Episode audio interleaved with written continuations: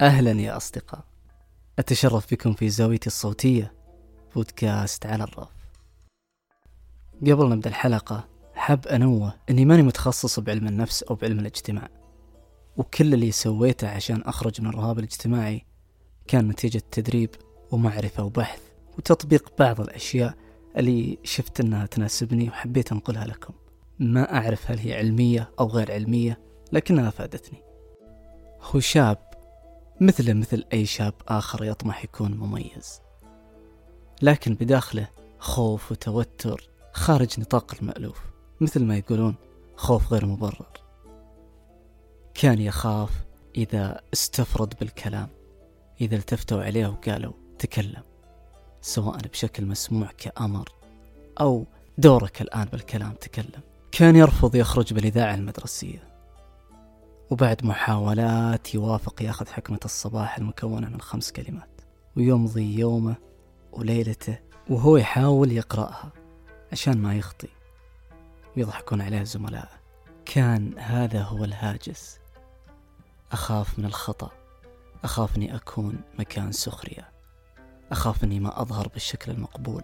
بجهة ثانية كان إذا راح المحل اللي بيشتري له غرض معين كان يخجل يفاصل البائع ويتكلم معه أو مثل ما نقول يكاسره. لأن في زحمة في ناس يشوفونه فيتوتر ينتظر لحد ما يخرجون الجميع وما يضع عينه بعين البائع. فقط يسأل عن السعر إما اشتراه أو انسحب عنه. وكل هذا أنه يخاف. أمضى سنوات طويلة من عمره.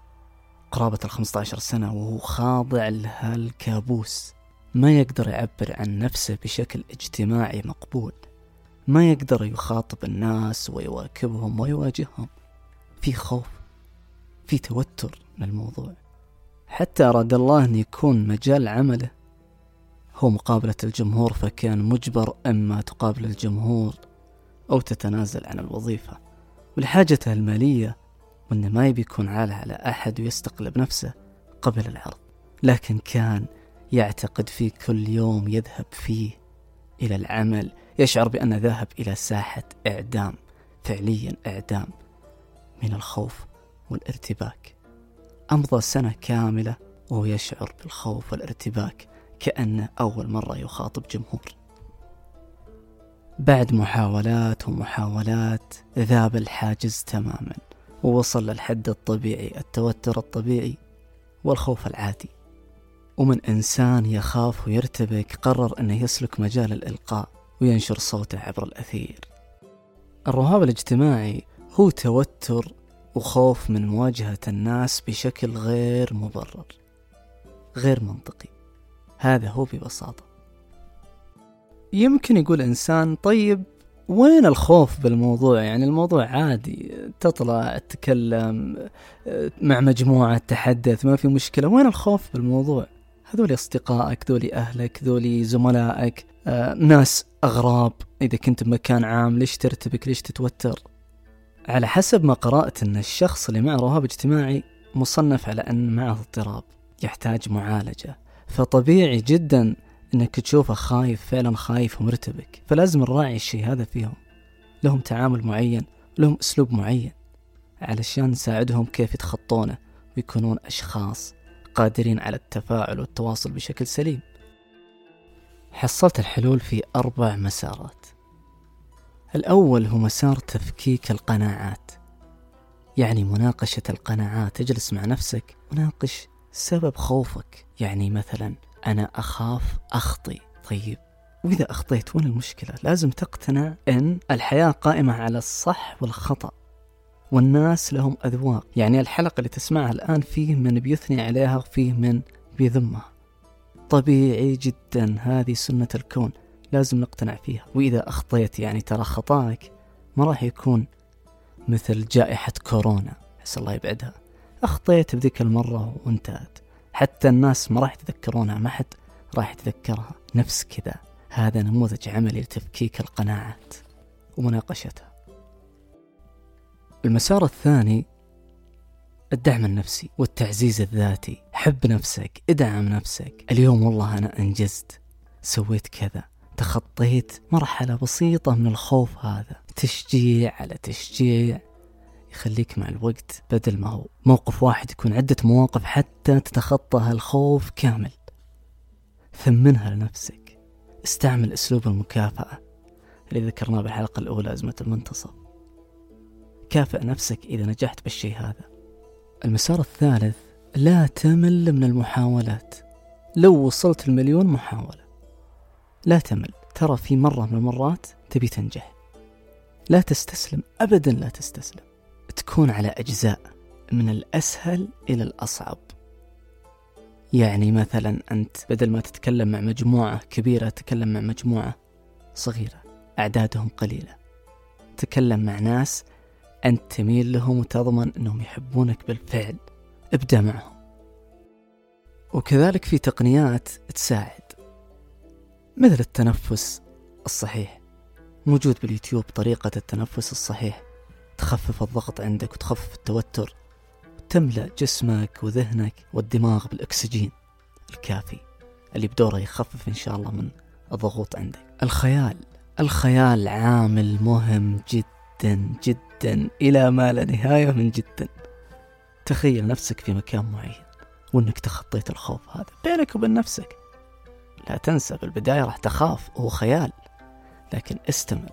عش خيال لأن معي فرق صراحة. جزء كبير من الضغوطات راح بالخيال كأن الدماغ صدقها على أنها واقع. طيب الآن بنجي عند أول مواجهة محاولة لك. ارضى بأقل نتيجة كانت.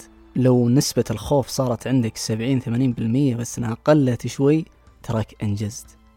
المرة الثانية كررها تنقص النسبة. الثالثة الرابعة أنا أضمن لك أن الخوف اللي كنت خايف منه والتوتر زال تماما أو وصل النسبة متدنية جدا.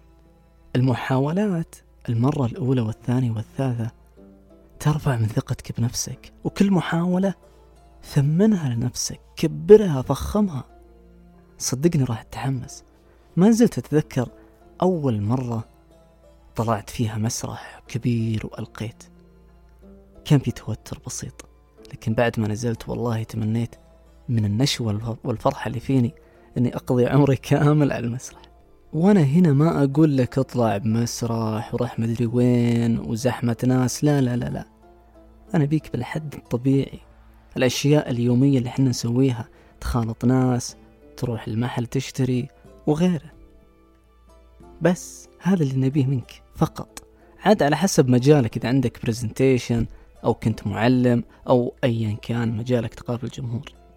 لكن أنا اللي يهمني الحياة اليومية البسيطة. بتجيك أوقات بعد المحاولات اللي فشلت تشعر بانكسار. حاولت وحاولت وحاولت. ماش ما ضبطت. عجزت. أقول لك تشجع وارجع مرة ثانية. خذها تحدي خذها عناد. إيه عناد. عاند عاند نفسك. طوعها. والله العظيم تحققها. والله تحققها. وأنا صادق بكلامي. فقط يكون عندك هدف من داخل وحرك جانب الكبرياء الشخصي فيك. وترى حكمك على نفسك وأنت منكفئ عليها غالبا يكون خاطئ. بعد ما تطلع وتخالط الناس راح تستمتع بالاجتماعية راح تستمتع بملكة الكلام اللي عندك راح تستمتع حتى بكشختك حتى بلبسك. تتباهى بنفسك قدام الجميع. بالله يسألك مو هذا من حقك؟